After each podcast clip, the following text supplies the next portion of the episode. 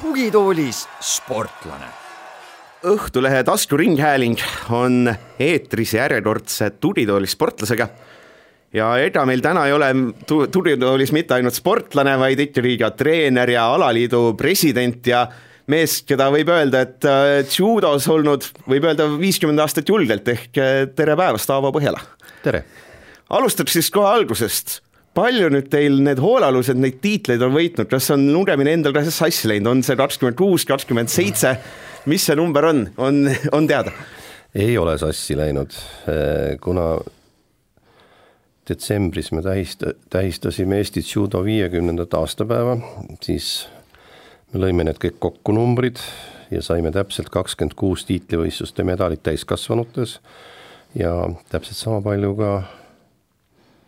noorte ja juunioride klassis, nii et kokku on Eesti judokad võitnud siis viiskümmend kaks medalit erinevatelt tiitlivõistlustelt. julgelt võib vist öelda, et noh, olete üks olümpiaalade edukamaid treenereid läbi ajaloo, et noh, kindlasti mingid konkurendid on, aga mul ei küll kohe niimoodi pähe. me olime pikka aega juhtisime, aga nüüd äh, äh, ma arvan, et kergejõustik võib-olla ja kergejõustik kindlasti, aga vehklemine on võib-olla rohkem võitnud, ma mõtlen mitte olümpia, aga tiitlivõistlusi ja ja meil teatavasti puudub olümpiakuld, et kergejõustikul need on olemas. aga saatele siis selline ilusa raamistik luua, siis alustame täiesti algusest ja siis tuleme vaikselt tänapäeva, et siis on selline hea loogiline. kuidas üldse Aavo Põhjala jõudis judo juurde, et mis selle taga on, et millega ja miks ja kes meelitas, ma olen, saan aru, et Andres Lutsar oli üks selline suur mõjutaja toona äh, no tegelikult olin ma, käisin maakoolis, ma olen pärit Käreverest, käisin laevakoolis, see on veel kümme kilomeetrit Tallinna poole ja mul oli üks tädipoeg, ma noorena olin hästi väike ja nagu väikestel ikka tükivad kõik liiga tegema ja aga see suurem tädipoeg elas Tartus ja tema siis käis tookord küll mitte judotrennis Andres Lutsari juures, vaid sambotrennis sambot, seda võib minusugustele ära selgitada, mis on, sellised, kes on Eesti ajal koolis käinud, et ma no, enam-vähem tean muidugi. jah, kui nüüd väga lihtsalt öelda, siis äh, legendaarne treener Andres Lutsar ütles selle kohta, et sambo kannab märki Made in USSR ja judo kannab märki Made in Jaapan. ehk sambo oli tehtud nii-öelda Nõukogude Liidu tolleaegsetest rahvusmaadustest kokku pandud nii-öelda Nõukogude spordiala. aga väga palju ma mõtlen tehnikaid oli seal ühist. ja noh, siis ta meelitas mind sinna trenni, ülikooli tänava väikesesse maadlustuppa. Mm, esimesed treeningud Andres Lutsarit kohal ei olnud. Noh, siis võeti need, mul oli üks sõber ka kaasas, võeti noored ette, loobiti, mida iganes tehti. noh, ütleme kolmandal või neljandal treening päeva või treeningtunnis tuli ka Lutsar kohale, nägi mind ja sõpra seal viimases reas seismas ja küsis, et noh, mis kuradi kaltsakad need siin on. et ega siin pole ühiskondlik saun, et iga mees sisse hüppab, noh siis vanemad seal tudengid püüdsid selgitada, mis kus.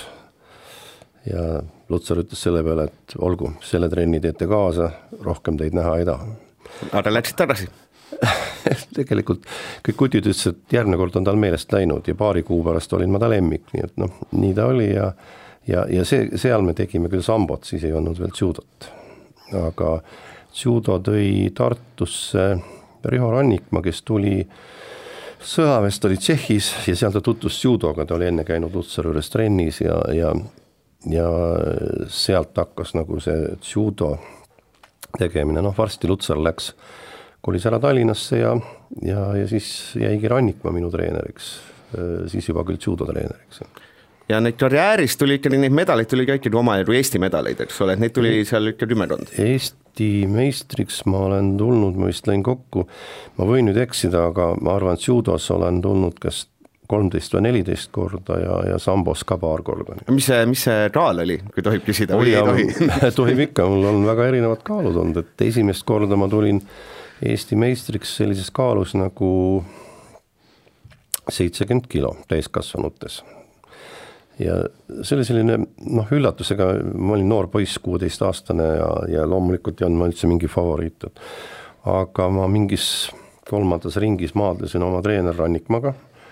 eh, keda mul kindlasti ei oleks õnnestunud võita, aga õnnetuseks, tema õnnetuseks, minu õnneks sai ta raske trauma ja, ja mind kuulutati võitjaks ja ja finaalis ma läksin kokku tegelikult ühe vaba maadlejaga, noh, keda mul ka ei olnud eriti lootust võita. Aga seal juhtus ka nii, et, et ta tegi sellise eluohtliku heite, noh, ta ei olnud nagu judoga väga kursis ja ta diskvalifitseeriti ja, ja siis ma tulingi esimest korda Eesti meistriks. et selline juhust oli päris palju. seda oli juhust oli päris palju jah, minu jaoks aga sellist päris äh, Nõukogude Liidu tasemel vist sellist äh, läbilööki, noh, päris sinna tippu ei jõudnud, et mis no, seal ma, puudu jäi? ma, et ma Noorteliidu meistrivõistlustel olen tulnud viiendaks, siin ametiühingutel ja Dünamo meistrivõistlustel olen tulnud medalile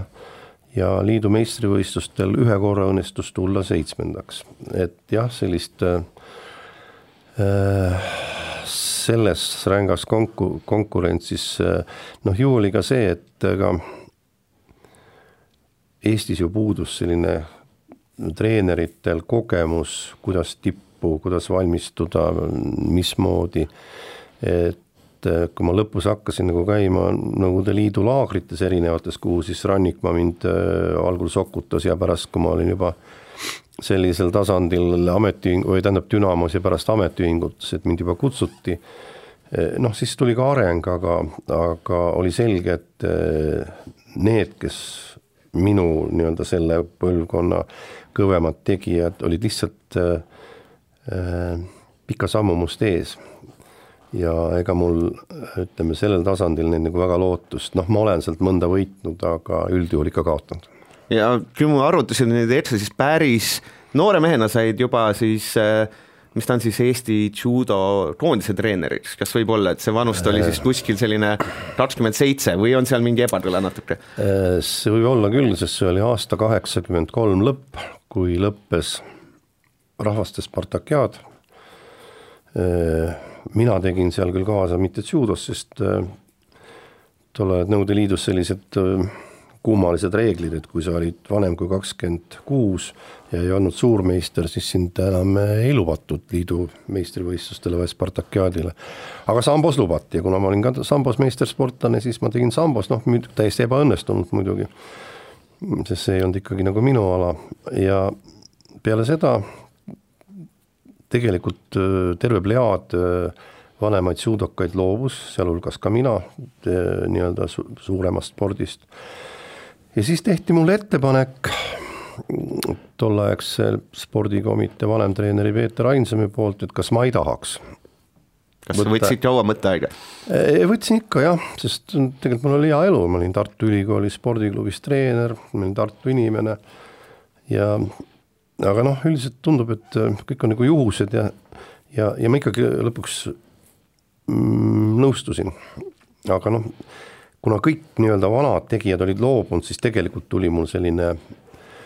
A-klassi ja, ja juunioride koondis, kus ei olnud täiskasvanud, et ma sain nagu rahulikult hakata seda koondist üles ehitama,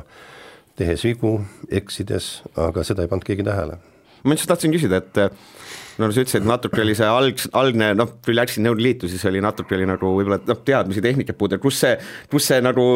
teadmised tulid, et seda noortele edasi anda, et kust sellist äh, nii-öelda täiendõpet tuli või kust see baas sul ma arvan, et ma arvan, et ma olin tegelikult päris hea õppija, et nendes laagrites oli mul alati päevik, ma panin äh, kõik asjad kirja, mis seal tehti, uusi asju oli hästi palju, äh, hästi palju erinevaid treenereid, hästi palju erinevaid stiile ja ma kuidagi noppisin sealt enda jaoks nagu teatud asju välja, ma ei, ma ei, ma nagu ei kopeerinud, aga ma nagu noppisin äh, teatud asju välja. Ja kui ma sealt laagritest tagasi tulin, siis, äh, siis äh, noh, tolleaegne treener Rannikmaa, siis ta alati pani mind näitama treeninggrupile kõike seda, mis ma sealt uut leidsin. et tähendab, ma nagu harisin ka neid teisi sportlasi, harisin iseennast ja, ja võib-olla ka teatud mõttes sel hetkel juba oma treenerit, et kellel sellised kogemused äh, ilmselt puudusid, sest ta ei olnud sellistes laagrites äh, eriti käinud kuidas üldse selline, ütleme kaheksakümnendate keskel, kuidas selline Eesti judo seis oli? et kas, kas oli selline, oli ta populaarne ala, oli nagu lapsi palju, oli ta pigem selline väga nurgatagune ala või mis, mis olukorras sa üldse sinna nii-öelda koondise etteotsa jõudsid, et kas see seis oli nagu hea või oli raske? seis, oli tegelikult päris hea, kui mina jõudsin, sest äh, Andres Lutsar, kes oli Tallinnas, oli siin teinud väga head tööd, sest need äh, Äh, kes hiljem nagu medaleid tõid, olid ju tegelikult kõik tema juures alustanud või suurem enamus oli tema juures alustanud sportlased nagu Indrek Bertelson, Peeter Saks, äh, noh, ütleme siit veel võib-olla, keda vähem tuntakse, Ansori Barkalaja ja Anti Kalk ja ja see oli selline hea punt, sinna lisandus paar Tartu poissi veel ja nii et see oli selline tõsiselt nagu, nagu hea punt ja esimene esimene Nõukogude Liidu medal oli, noortemedal oli kohe Eero Praks, kes tuli hõbemedalile noorteliidu meistrivõim, mis oli noh, minu arust oli see üldse elus kolmas äh, liidu noorte meistrivõistluste medal, enne seda olid kaks tükki võitnud hõbeda ja pronksi kunagi ammu-ammu. et noh, minu jaoks oli see nagu, nagu päris suur sündmus ma seda ma küsin ära enne, kui ma ära unustan, et äh, hästi palju judot võib üleüldse vaadata, hästi paljud on Tallinnast, et on nagu Tallinna, no ongi Tallinna poisid, kui mujal sportides on enamasti see, et meil on ikkagi see, et on maakohad, kust tulevad, eks ole, maadlejad, no kõik on, alati on see maakohtade põhine, siis kuidas judol on õnnestunud ikkagi nii-öelda tallinlasi Tallinna poissi, kus on palju ahvatlusi ikkagi spordi juurde jätta, et see on nagu päris selline müstiline või eba, ebatavaline. kui nii võtta, siis tegelikult tõepoolest ütleme, kui noortemedalid võtta, siis neid on küll läinud Tartusse ja Narva ja aga täiskasvanud tiitlivõistluste medaleid on meil võitnud tõepoolest ainult tallinlased. et äh, Juhan Metis on pärit Tartust, aga tema kahjuks lõpetas enne ära, kui ta suutis mõne medali täiskasvanutest võtta, ta on küll olnud U kakskümmend kolm Euroopa hõbe ja juuniorides medali võitnud, kuid mitte äh, ja Mattias Kuusik on ka medali võitnud Euroopa meister U kakskümmend kolm, aga täiskasvanutest tal medalit ei ole, nii et ainukene, kes on väljaspoolt Tallinnat, kes on tiitlivõistluse medali võitnud, on Viljandist pärit Günter Rotberg. Et see on, kas seal on mingi selline, on seal mingi võlu ka siis selles, et mis, miks, miks just tallinlased jäävad, et mujal ikkagi on hästi palju, on alati see probleem, et nagu poisid käivad ära. et võib-olla judo on ka selline, kus on, kus on vaja nagu sparringpartnerit, konkurenti. Ja paratamatult ka Tartu siiski suure linnana on, on ikkagi põud sparringpartnerites. noh, tänapäeval käiakse palju laagrites, noh vanasti Nõukogude ajal käidi Vene või Nõukogude Liidus laagrites, aga see pole päris see, et Tallinnas on natukene seda võimalust ja konkurenti äh, konkurentsi natuke rohkem ja, ja see viib ka natukene edasi rohkem, nii et väikestes kohtades on äh, kahevõitlusala esindajal üsna keeruline äh, tippu jõuda ja ka tipus püsida okei okay., ja nüüd jõuame siis kaheksakümne, lähme siis vaikselt edasi üheksakümnendatesse. no üheksakümnendate lõppaeg oli ikkagi noh, Eesti oli judomaa korraks, et selles mõttes meil korraks olid Vennapuu Tõõlinid, Bertelson, oli ikka Padar kohe, et äh, see vist on ikkagi, jääb ikkagi tippajaks, jääb vist kaks tuhat olümpiad või oli kaks pronksi? no ütleme nii, et tegelikult see nii-öelda noh, mina olen nimetanud seda selliseks anomaalseks kuldajastuks, äh, algas sellega, äh, et tuli esimene täiskasvanud Euroopa meistritiitel üheksakümmend kuus, kui Indrek Bertelson tuli Euroopa absoluutseks meistriks. ja nüüd peale seda, kui ma nüüd ei eksi, kas üksteist aastat järjest äh, võitsime medali, et äh, mingil aastal see võis olla siis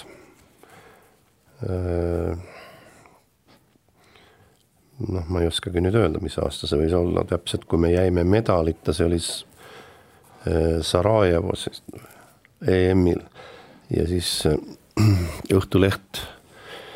pani esikaanele sellise toreda pildi, kus oli suurelt kirjutatud Eesti judomatus, seal oli siis kirst ja lahtine haud. nojah, klassika. Äh, ja noh, noh, nii ta oli ja, ja järgmine aasta tuli Padar uuesti Tbilisis Euroopa meistriks ja siis no ma küsisin nagu ajakirjaniku käest, et võib-olla nüüd võiks nagu selle haua nii-öelda jälle ilusti lahti kaevata, et ikka ei olnud matust päris. aga nii ta oli jah, et, et noh, eks eks nagu ajakirjanik ütles, et vaata, kui ma poleks seda pannud Põhjala, siis järgmine aasta poleks sul kulda tulnud. no täiesti võimalik, täiesti võimalik see anomaalia tähendab seda, et see, et ühel spordialal noh, ütleme siis, et üheaegselt neli sellist medalivõitjat, et see siis pigem oli selline juhuste rotlusattumus, mitte mingi kindel, kellegi kindel töö, mis kuidagi vilja just mingil hetkel õigesti ei, no absoluutselt tõi. oli see töö muidugi, aga, aga selles mõttes on, on teil õigus, et et ühele ajahetkele sattus äh, päris suur kogus andekaid ja töötahtelisi sportlasi. et noh, ütleme sealt kõigepealt Bertelson ja siis tulid äh, vennad Budõlinid äh,, siis tuli Padar, siis tuli Rotberg, ehk meil äh, ühel ajahetkel oli viis meest, kes kõik võisid võita tiitlivõistluste medali see, et nad erinevas kaalus olid, kas see nagu selles mõttes vist ei mõjutanud, et neil see professionaalne töö oli ikkagi sarnane, eks ole, et nad vist selles mõttes, et kas nad olid rohkem üks punt või kõik olid omaette rohkem? ei, sel ajal oli see üks punt, see oli üks punt ja kuigi vennad Budõlinid, nende treener oli kadunud Felix Sakjan, kes oli noh, kes oli väga hea, väga tugev treener, aga me harjutasime ikkagi koos tähendab koondis harjutas ta Tallinnas praktiliselt kõik, nii hommikused kui õhtused treeningud ja, ja ma olin nendega laagrites pidevalt ja Felix käis võib-olla siis ainult kaasas tipp, ütleme, tiitlivõistlustel ja tema nagu tegeles vendade Budõlinite nii-öelda tehnika, see ei olnud nagu minu rida, sest koondise treener, noh, ei ole mõeldav, et ta hakkab kellegi tehnikat ümber korraldama, mille üks treener on juba pannud nii et eh, selles suhtes meil koostöö puht professionaalselt sujus tegelikult Felix Sakjaniga väga hästi. et see, noh, tippaeg vist on kaks tuhat, vist oli see, kui saite Eesti parima treeneri tiitli, mis oli sellel ikkagi no väga müstiline, sest et ikkagi tavaliselt olid natuke teiste elualad, et siis tuli ikkagi selline jõu- ja võitlusala mees, et see vist on selline, on ikka aukohal kuskil Kamina Simsil või? no eks ta ikka ole, jah. et ma saan aru, et sel ajahetkel siis judo elas päris hästi, et ma eeldan, et null-nullindate algused, siis oli nagu noh, judo oli ikkagi Eesti võib-olla noh, ma ütlen, rahvussport on võib-olla natuke liiga uljalt öeldud, aga ikkagi selline, kõik teadsid kõiki võtteid isegi. noh, ütleme, et meil tõepoolest äh, need tulemused, mis olid, tõid noori saali, mis oli nagu väga oluline ja teiselt poolt need head tulemused Äh, andsid ka alaliidule võimaluse rohkem saada materiaalset ressurssi ehk raha ettevalmistusplaani, me ei saa küll öelda, et me oleks rahas suplenud, aga kõik oma plaanid, noh, mis ma nagu tegin, me said, said selle rahaga kaetud, mis meil olid. Äh, ega me nüüd väga ei priiskanud, peab küll ütlema, et et noh, mina kogu selle treeneri karjääri jooksul, mis ma olin treener, eh, ma peatreenerina ei ole kunagi saanud ühtegi kopikat raha. ma sain eh, palga algul eh, Tallinna Palusalu nimes spordikoolist, hiljem kümme aastat ma olin judoliidu peasekretär, nii et, nii et koondise treenerina ma ei ole mitte kunagi palgal olnud et ja. nimetus oli koondise treener, aga palka ma selle eest saanud ei ole. no tundub jah, selline uhke, uhke selline amet, kus sa nagu ei ole, ma küsin muidugi selle ka ära, et et kas nendest kõikidest nagu algsetest medalitest üleüldse on mingi selline mis sa võid anda mõni kõige selline meeldejäävam, kas on, kas on pigem see esimene Bertelsoni medal, on mõni olümpiamedal, kas on midagi sellist, mis on nagu eriti kohe, et mõtled ja toob nagu selles mõttes, tõmbab silma märjaks? tegelikult ei ole mitte ükski nendest medalitest Äh, kõige mulle meeldejääv, tegelikult kõige meeldejäävam medal on siis, kui Peeter Saks tuli Grodnos liidu noortemeistriks. noh, see oli sel ajal nagu, nagu, nagu jube mega minu jaoks, et see, ma nagu, see oli nagu uskumatu ausalt öeldes, et et tegelikult ma olin olnud vist äh, paar aastat ainult äh, nagu koondisega töötanud ja ja kui eelmine aasta tuli äh, või paar aastat varem tuli Praks hõbedale, siis nüüd tuli liidu meister ja sealsamas tuli Bertelson ka pronksile. et see oli minu jaoks nagu kõige meeldejäävam, noh, nagu see on nagu esimene armastus, võib-olla midagi sellist. kas see, kas see tekitas ka usku, et Eestis on võimalik nagu tippjudot teha või see oli juba varem olemas? ei noh, eks ma ei oleks seda ju teinud, et ähm, oli, kui me hakkasime käima liidukoondise juures, siis liidu tolleaegne juunioride koondise peatreener, ta hiljem oli ka täiskasvanute treener, siis ta ütles mulle ju otse välja, et Eestis ei ole kunagi judot olnud ja mitte kunagi ka ei tule. Äh, noh, õnneks me olime temaga head sõbrad äh, kuni, kuni seniajani ja, ja kui need medalid tuli, siis ta ilusti tuli ja vabandas, et on ikka Eestis judot küll. Et seda no, nullist, no sisuliselt noh, võib öelda, et judot ei olnud, nullist nagu spordiala üles ehitada, selles mõttes pigem oli keeruline, eks ole, et et seda, kasvõi seda, et kuskilt üheksakümnendatel kuskilt raha küsida, siis küsis, mis asi see judo on, ma, kas sellist takistust oli? Või pigem ei? noh, ikka oli, vot ähm, ütleme, enne üheksakümnendaid oli ju riiklik spordikomitee süsteem, kus judo oli seal viimases kastis ehk ehk lubati, lubati läbi viia Eesti meistrivõistlusi, võib-olla anti medal ja diplom. et, et tegelikult äh, see niimoodi areng tuligi läbi elada. ma olen tagantjärele mõelnud, et ega siis kellelegi ei anta ju kuldkandikul kõik tingimused kätte, et olge head, et tehke nüüd seda spordiala. sa peadki nii-öelda läbi selle kadalipu minema ja tõestama, et sa suudad sellel spordialal nagu kõigepealt äh, massilisust arendada ja ka sealt tippu arendada ja, ja see on täiesti loogiline ja loomulik tee, et et ei riik ega keegi teine ei pea panema nii-öelda sulle kuldkandikul kõik asjad ette, et poisid, siin on asjad ja tehke. noh, me teame ju tegelikult on ju küll äh, riikides, kus olümpiamänge silmas pidades äh, pannakse kuldkandikul kõik ette, et poisid, üheks olümpiaks meil on medalid vaja, tehke, eks ole, et et õnneks me pidime selle kõik läbi tegema, oli muidugi raske aga noh, kus see kirjas on, et oleks pidanud kerge olema. kus üldse üheksakümnendatel peamiselt trenni tehti näiteks, kus te ruttu saite äh,, kui saite? tähendab äh,, meil oli selline, et me tegelikult kõikideks nendeks olümpiateks ja pikka aega valmistusime Audentese, noh praeguse Audentese äh,, siis ta oli veel mingi teise nimetuse all, kõigepealt oli ta spordiinternaatkool, et äh, ütleme, need esimesed medalid tulid tegelikult äh, mitte tatami pealt, vaid äh, seal oli maadlusmatt ja me jagasime seda maadlejatega. pärast hiljem küll tehti see pooleks ja pool oli matt ja maadlusmatti, pool oli tatamid, nii et äh, ega meil siin mingeid tingimusi sel hetkel ei olnud võrreldes, mis on praegu, et noh, lihtsalt selle mati pealt, kuna seal oli meil võimalik äh, treenida, meil olid Audenteses õpilased ja siis kogu koondis tegelikult äh, treenis siis selle kiitsukese, Audentese äh, tatami või mati peal, noh hiljem tuli tatami. mis seal suur erinevus on ühe ja teise peal trenni tegemisel? lihtsalt üks on, äh, maadlusmatt on tunduvalt pehmem. ja, ja kui nüüd noh, lastel ei ole nagu vahet, aga kui sul nagu on koondisega tegemist, siis kui sa lähed sellise pehme mati pealt nii-öelda võistlus tatami peale, sul kaob see jalatunnetus ära et äh, seal on nagu suur vahe küll. okei okay., mainisid, et noh, kaks tuhat, siis tuli see ikkagi noh, suudabuum, ütleme selle kohta siis, kui tohib. et äh, no trenni tõid lapsi täis, see ikkagi küsimus ju natukene jääb üles, et nüüd on noh, ütleme sellest on kakskümmend aastat möödas ja praegu võiks olla see koht, kus neid vilju lõigata, samas meil ei ole nüüd ikkagi suuri judokaid peale kasvanud, et miks see niimoodi läinud on siin, et noh no, mis on valesti läinud, on hea selline natuke, üldine küsimus. jah, natuke äh,, meil on Eestis üks koma kolm miljonit inimest, eks ole äh,, kõik spordialad võistlevad ja võitlevad äh, kõikide talentide pärast. ja noh, kui ma siin nagu toon paralleele, et et näiteks Sydney olümpiamängudel suur Venemaa koondis oli meist tagapool võistkondlikult ja Saksamaa jäi üldse medalita Äh, siis no, äh, mainin ära, Sydneys saime kaks pronksi. ja me saime Sydneys kaks ja Venemaa sai ka kaks pronksi, aga kuna neil oli täiskoondis väljas, siis nemad jäid meist meeskondlikult nagu tahapoole.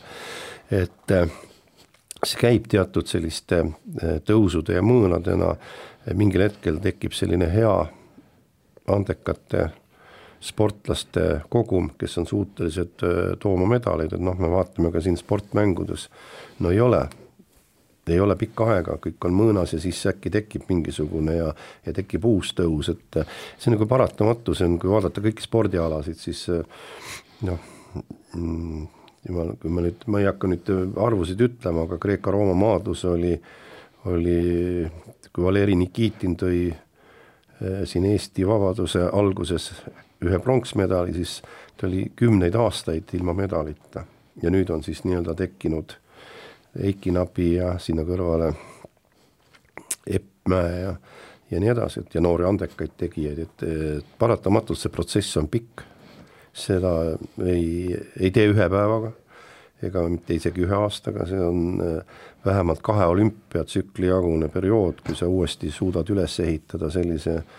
noh, tugeva plejaadi, kui sul on andekaid ja kes tahavad teha, et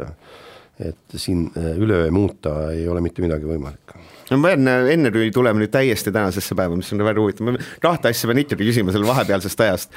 üks on see kahe tuhandete lõpus oli ilge teie lahti kandetamine, kandutamine sealt peatreeneri kohalt, kus oli selline, et no mingi hetk oli selline, et kümme aastat oli sellised, ütleme, judoga peale seda, kui medalid ära kadusid, kuidagi hakkas võib-olla skandaale kuidagi tekkima, et mis, mis, mis seal üldse juhtus või kuidas need asjad nii hapuks läksid ühel hetkel? Noh, need on, ma ei tahaks sellest väga pikalt rääkida ja detailidesse minna, aga eks siin oli tegemist äh, teatud äh, inimeste vaheliste äh, suhetega, kellegi mingite suurte ambitsioonidega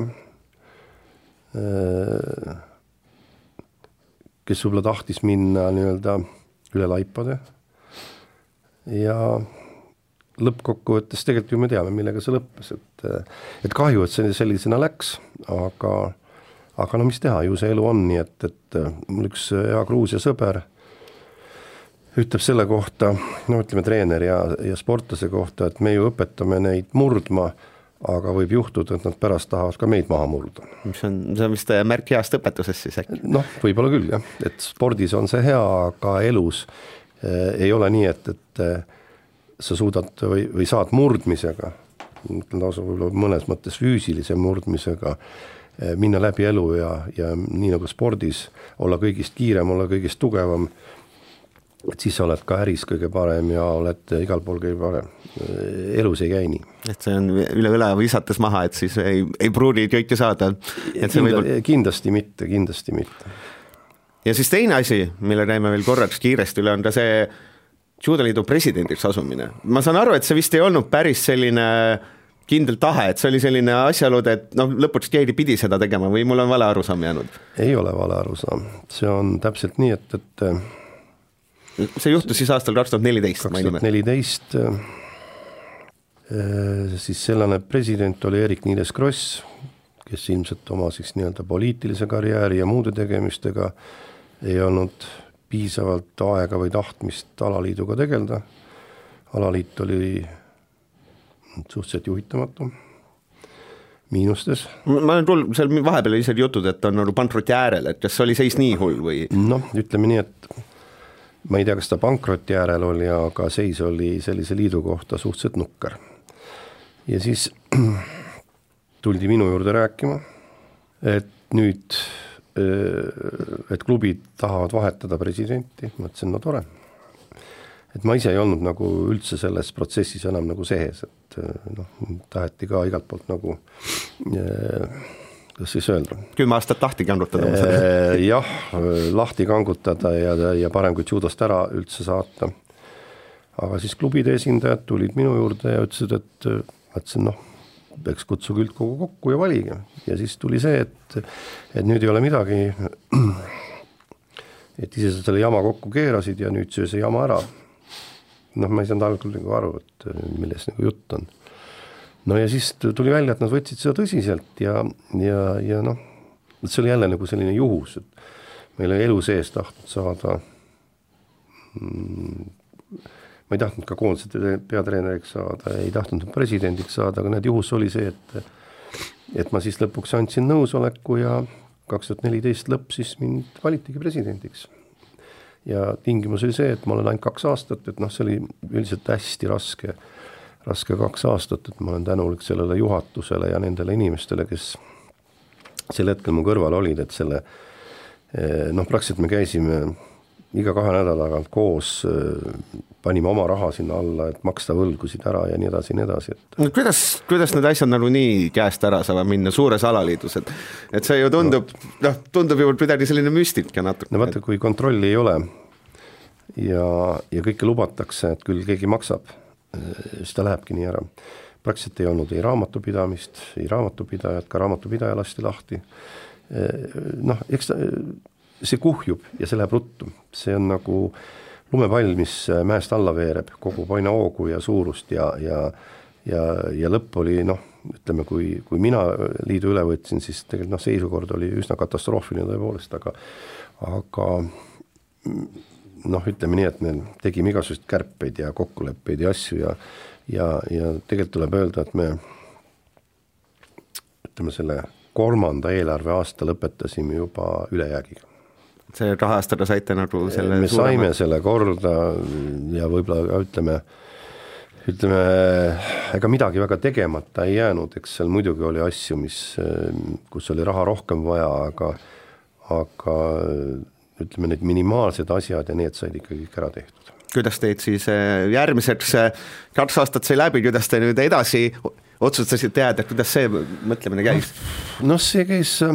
ega ma ei, ega ma tegelikult nagu ei tahtnud jälle, jälle oli see, et aga seal oli nagu üks äh, vastaskandidaat, kes oli noh, ütleme, nimetame siis, ta võis olla, ütleme teda nagu ühe inimese tankistiks. Ja siis eks seal jagunesid jälle nagu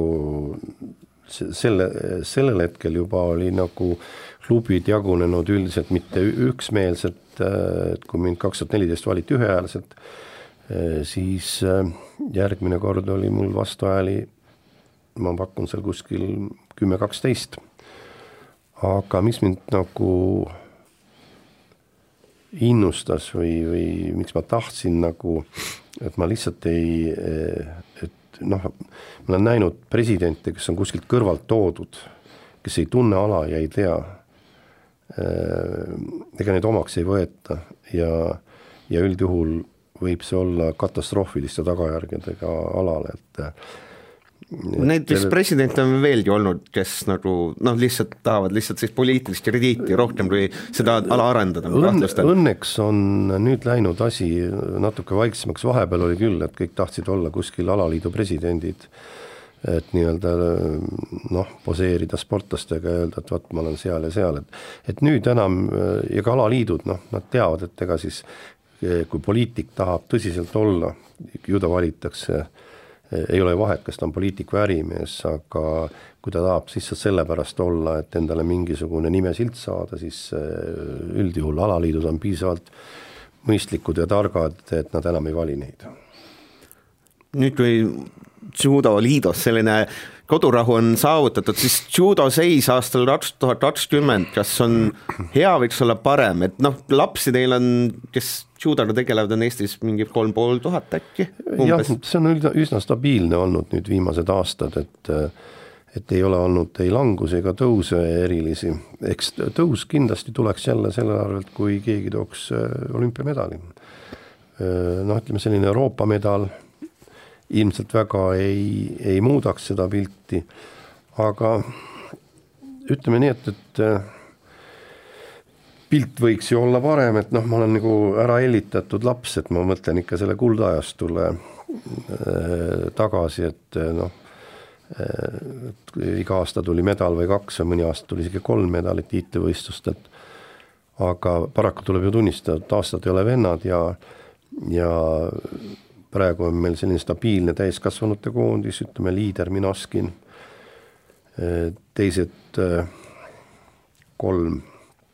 neli meest mahuvad ka, ütleme maailma seal kuskil viiekümne hulka, aga noh, ütleme nagu minu jaoks ei ole see piisav. et olümpiale pääseda ei ole see ka piisav. aga meil on kolm-neli sellist päris head noort, kellega tasub nagu tõsiselt tööd teha täiesti suure eesmärgi nimel. nii et seis ei ole kõige parem, ma võrdlen neid kuldajastuid, aga ei ole ka halb. ma küsin lihtsalt selle ülemineku, et kui oli ühel hetkel, kui kogu aeg tulid medalid ja ühel hetkel ei tulnud medalid, kuidas üldse mõjus, kas ühel hetkel tekkis ka see, et arusaamatus, mida ma valesti teen või kuidas üleüldse selline asi mõjub. et äh, mõnes mõttes on ju käed noh, teil ju seotud, aga samas nagu ju. ma tegelikult ma ju sain noh, ütleme, kui need hakkasid kõik lõpetama, ma sain ju aru äh, kohe, et, et äh, siit medaleid tulevikust loodata, noh, Metis oli võib-olla selline, kellest oleks võinud loota, aga noh, ta oli vähe noorem vend, et äh, teatud hetkel oli mingi töö jäänud tegemata ja noh, see on ikkagi see töö, mida oleks pidanud tegema siin meie klubide treenerid. no mis töö, see on vist paljudes kohtades, aga mis töö tegemata jäi? ma mõtlen, et nad ei olnud leidnud selliseid talente neid arendanud ja, ja nad ei olnud jõudnud ka võib-olla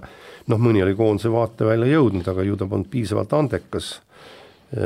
et kusagil edasi oli noh, andekaid poisse oli küll, kes kunagi medalit ei võitnud, siin on Georgi Ladõgin oli ju, tuli nii Euroopa juunioride kui noortemeistriks, isegi kahekordseks ja ja,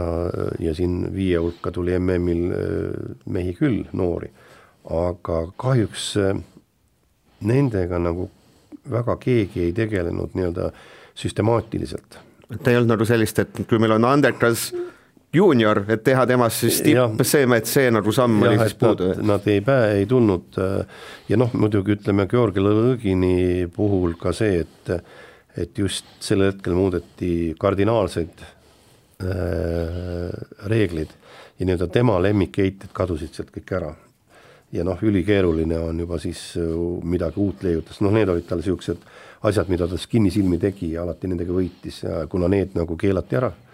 siis noh, oli selge, et temal on praktiliselt võimatu sealt välja tulla ja tippu jõudma ma küsin, aga see, see on päris huvitav, see no juuniorist täiskasvanusse, et mis seal tegema peaks, et see on paljudel spordialadel suur probleem, et meil juuniorid on head ja siis nagu see, siis tulevad need aastad, kus nagu sportlased kaovad ära. seal ei ole nagu rahastust taga, et ta peaks hakkama juba koondisega eh, käima välislaagrites, et näha seda nii-öelda seda meeste poolt. Üks on juuniorides olla tugev, teine on käia nii-öelda eh, koos täiskasvanutega, et me ma mäletan, et kui, kui Rotberg oli veel niisugune noor juunior, siis ma võtsin ta, sest ega sellesse mehesse keegi ei uskunud mitte üks treener, kõik ütlesid, et mis asja seda kotti vead. et kui ta tuli Euroopa medalile, siis teate, milline koht oli tal Eesti meistrivõistlusel kõige parem? nii? viies. Aga mis, mis temas oli siis? vaat tas oli, tas on, temas on nagu sellist, tas on niisugune sädet, mis oli nagu näha, et ütleme eh,, uskusin mina ja uskus Vladimir Stepanjan, treener temasse, et, et sealt võib midagi tulla. Ja, ja, ja tuli ka, et noh, tema, sa näed ära kohe, et on. Ja ma, ma hakkasin teda, leidsin talle võimalusi, vahendeid, rahalisi, ta käis mul laagrites nii-öelda, mm, suri seal, aga pani hambad risti edasi, vot see näitab, et tal oli tahe teha. et ka täna, tänasel päeval noh, meil see, ütleme noortest kadettidest Viljar Lipart, kes on siin noorte olümpiapäevade medalist, me oleme juba viinud ta kahte täiskasvanute laagrisse ja ta peab nagu natuke nagu seda vitsat sealt kätte saama, aga vaatama ka, et me teda kuskil vinti üle ei keera. et see on ülioluline, et selles karussellis nagu käia, näha, õppida, et oma rasvast siin kodus äh, kaugele ei purjuta kus üldse laagrites käiakse või kuidas see looditi on, et Eestis üldse praegu, et kellega, kus, et äh, mis, mis jah, mis no judos on nagu, neid laagrid on ülipalju et peale praktiliselt igat maailmakarika etappi või siis Euroopa karika etappi on alati laager. Nüüd Euroopa on neid laagrid täis, kus on noh, kõige suuremad on seal ligi tuhande osavõtjaga äh, laagrid, nii et selle põuda ei ole absoluutselt mitte, nii et meil neid võimalusi on on küll ja küll, me ei pea otsima. kas, kas nad on selles mõttes kallid, kas ta on rohkem see minemise vaev või on ikkagi ka see, et nagu no, no raha no, on ta küsimus? raha on muidu loomulikult, et äh, et üldjuhul enam-vähem keskeltläbi maksab ühe laagripäev seitsekümmend, kaheksakümmend eurot. Koos toidu ja majutusega, et noh, võta või jäta, kui tahad midagi saavutada, siis äh, tuleb see raha leida ja käia jah, et kui siin panna nüüd konteksti, kuu aega, siis on juba päris suur summa tegelikult. üldiselt need laagrid on tavaliselt äh, noh, sellised esmaspäeval hakkab ja reedel lõpeb ja osad siis on tõepoolest kuskil kümme päeva maksimum, et äh, meil sellised pikki laagrid, noh minnakse võib-olla Jaapanisse, kus sõit on kallis, siis tehakse ikkagi mingi kuuajaline trett. aga teisipidi jääb Jaapanis on jälle see, et Jaapanis on äh, võimalik väga madala sellise majutushinnaga saada, noh okei okay,, need meie lihtsalt võib-olla oleme ära hellitatud, aga aga näiteks noh, ma olen olnud Jaapanis dok-, dok- või selles mm, Kodokanis, kus siis sportlastele, mina olin treener, no mul oli selline kahene tuba, raudmadrats või raudvoodi ja aga sportlaste jaoks on tuba kakskümmend inimest ja narid. ja riik. ja seal, seal ööbivad ka olümpiavõitjad ja maailmameistrid kas see on nagu sihilik lähenemine, et see on sihilik, see on et kasvatada? absoluutselt ja, ja, ja seal keegi ei virise. Kui meil siin ei ole nelja tärni hotellis, oi mis kurat, ei ole normaalne, seal ei virise keegi, kõik tulevad ja kõik tahavad tulla. Kuidas tänapäeva noorele seda selgeks teha, et nüüd on selline asi, et sa lähed, lähed, oled kahekümne, saad tipu lähedale ja siis sa oled kahekümnes narismarad, et see... ma arvan, et küsimus on üsna lihtne, tuleb küsida, et kas sa tahad midagi saavutada või ei taha. kui sa tahad, siis sa teed selle kaasa ja kui sa ei taha, noh, siis ilmselt ei ole su soov sinna äh, spordihierarhia tippu jõuda nii suur, et sa oled selle nimel valmis ka sellisteks noh, võib-olla natuke tänapäeval ekstreemolukordadeks tänapäeval noored tahavad, seda võib ka vist küsida, et see on alati selline ühe põlvkonna või julgen öelda, teie põlvkonna mure on alati, need noored on ilged lödipüksid ja ei, nii hull ei ole. on nii ja naa on ja, ja see on täiesti normaalne. ega siis sellel ajal oli täpselt samamoodi. Ma mäletan ühte oma toredat õpilast, mul ei tule ta nimi praegu meelde, aga äh, ta oli ka selline suur poiss valge peaga ja siis noh, ta oli siin Indrek Bertelsonist natuke noorem ja vaatas ükskord ohkas ja ütles, et ma tahaks ka sama kõva mees olla. tegi pausi, aga tööd ei viitsi teha. aus siis... vastus, et, et neid on ikka, et ega, ega ei, oli sellel ajal, on täna ja on homme ka ja nüüd siis sel aastal loodetavasti jõuab siis judo olümpiale tagasi kodumaale, Tokyosse. tähendab äh, noh, Tokyosse jõuab ta kindlasti, kas ta toimub, äh, käivad arutelud, aga no ma loodan, et see buum kõik vaibub ja ja kuigi praegu on jah, meil siin iga päev tuleb uudiseid äh, olümpiakvalifikatsiooni turniiride ärajätmisest ja ka noortele ja juunioridele on tulnud juba mitme turniiri ärajätmine Euroopas. et, et noh, vaatame. Meil seis on vist Eestis selline, et Minaškin on peaaegu kindlalt olümpial ja ülejäänutel oli vist vaja neid kvalifikatsiooniturniire või? ütleme niimoodi, et äh, ka Minaškinil võiks veel vähemalt üks medal kuskilt juurde tulla, et kindlustada seda ja teistel on vaja ainult medaleid, medaleid Grand Slamidelt ja Grand Prix'delt isegi ütleme nii, et isegi Euroopa meistriks tulek väga palju ei aitaks. Kas see, et äh, võistlusi ära jääb, on halb löök või? ütle, ütleme niimoodi, et äh, ütleme nii, et Minaskinile on see hea, teistel on halb. ja kardetavasti näeme siis ühte meest, ma saan aru. noh, ütleme nii, et lootus sureb viimasena, me ikkagi loodame, et keegi suudab ennast üle, siin on vaja ennast ületada, sülaselgelt, et et senised tulemused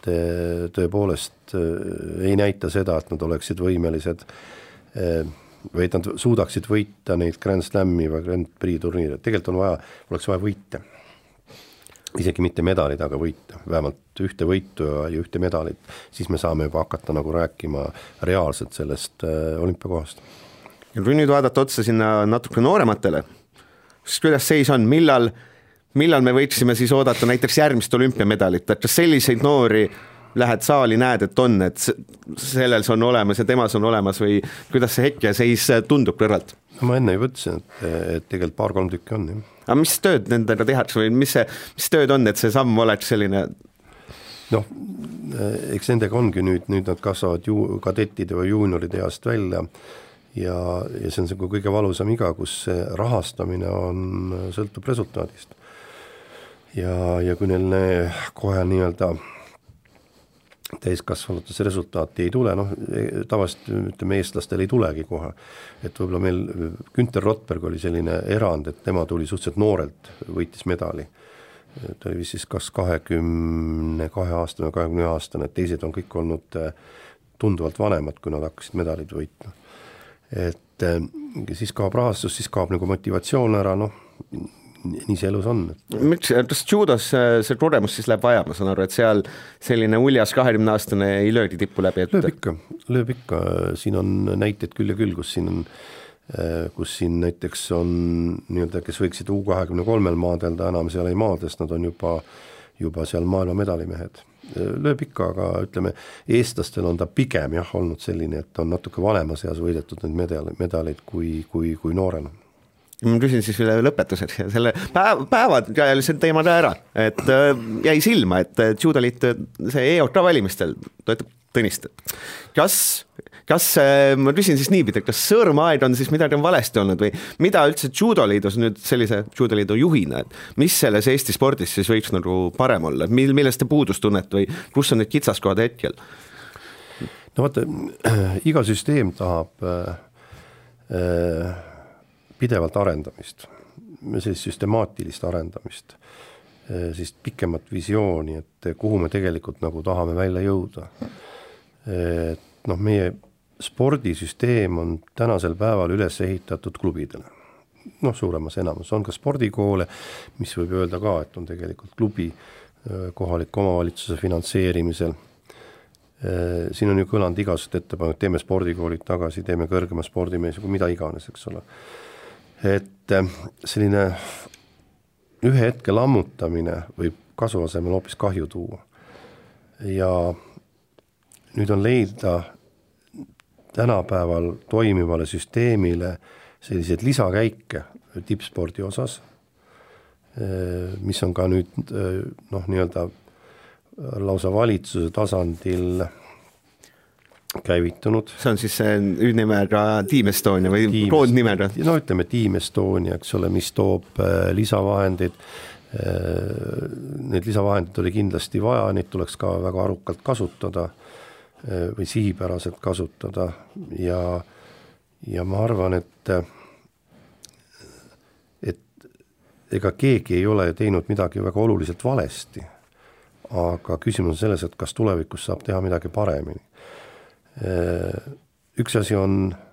pelgalt raha toomine sporti, aga raha ei tee veel olümpiavõitjat, ainult raha. sinna juurde on vaja sellist süsteemset lähenemist, et ma, ma juhtusin kuulama siin oli Tallinnas äh, üks kergejõustiku seminar, kus kas oli see Keenia kergejõustiku sprinter rääkis, kuidas neil on üles ehitatud nii-öelda see talendi otsimise süsteem, et ta tuleb sinna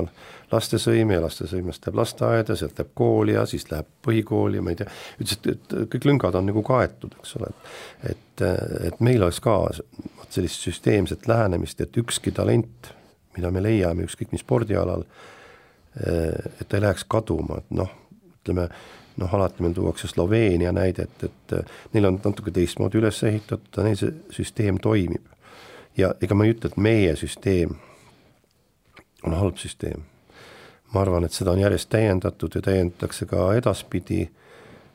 aga et miks me oleme Tõnu taga, et judoliit on just see, et tal on hästi pikk kogemus sportlasena, tippsportlasena, tal on hästi pikk kogemus äh, spordiorganisaatorina, olles äh, erinevate spordiorganisatsioonide tippjuht. ta on olnud pikki aastaid väga edukas ärimees, tal on väga selge, või vähemalt minu arust on tal väga selge nägemus, mismoodi ta on hea läbirääkija. Äh, suudab nii-öelda et seda kõike läheb vaja, ma saan aru? seda kõike läheb äh, olümpiakomitee, ütleme, juhil kindlasti vaja, et äh, seal oled sa ju kogu aeg valgusvihus, kus iga sinu noh, mõte, mida sa välja ütled, võidakse keerata mida iganes et sa pead seal väga nagu selgelt ja kaalutletud,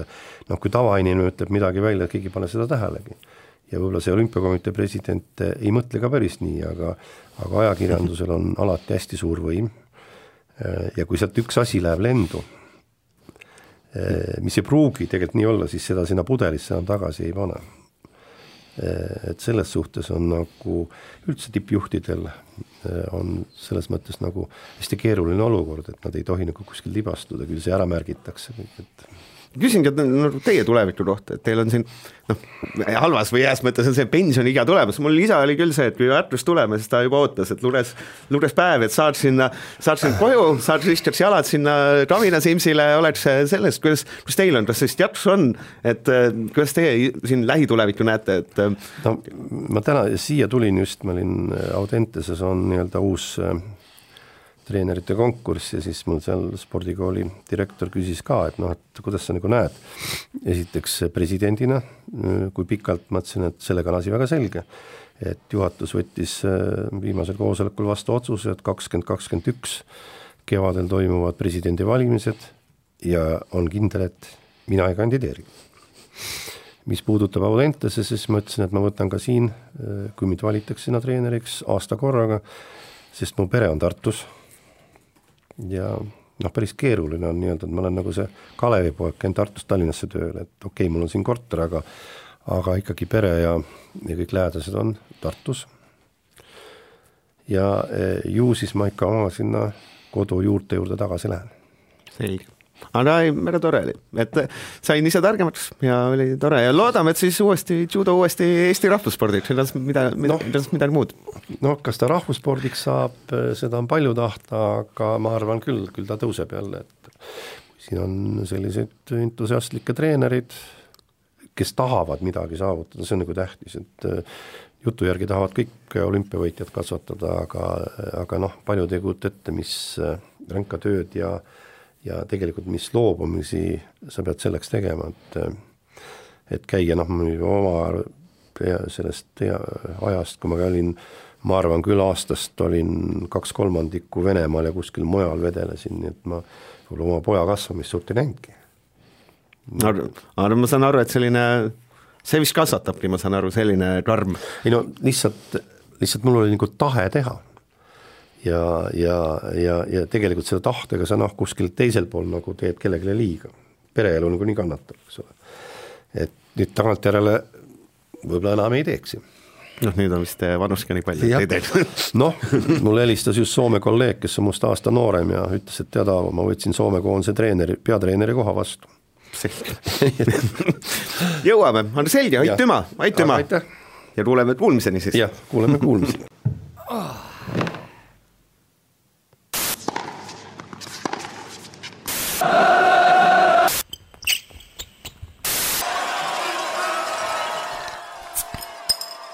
tugitoolis sportlane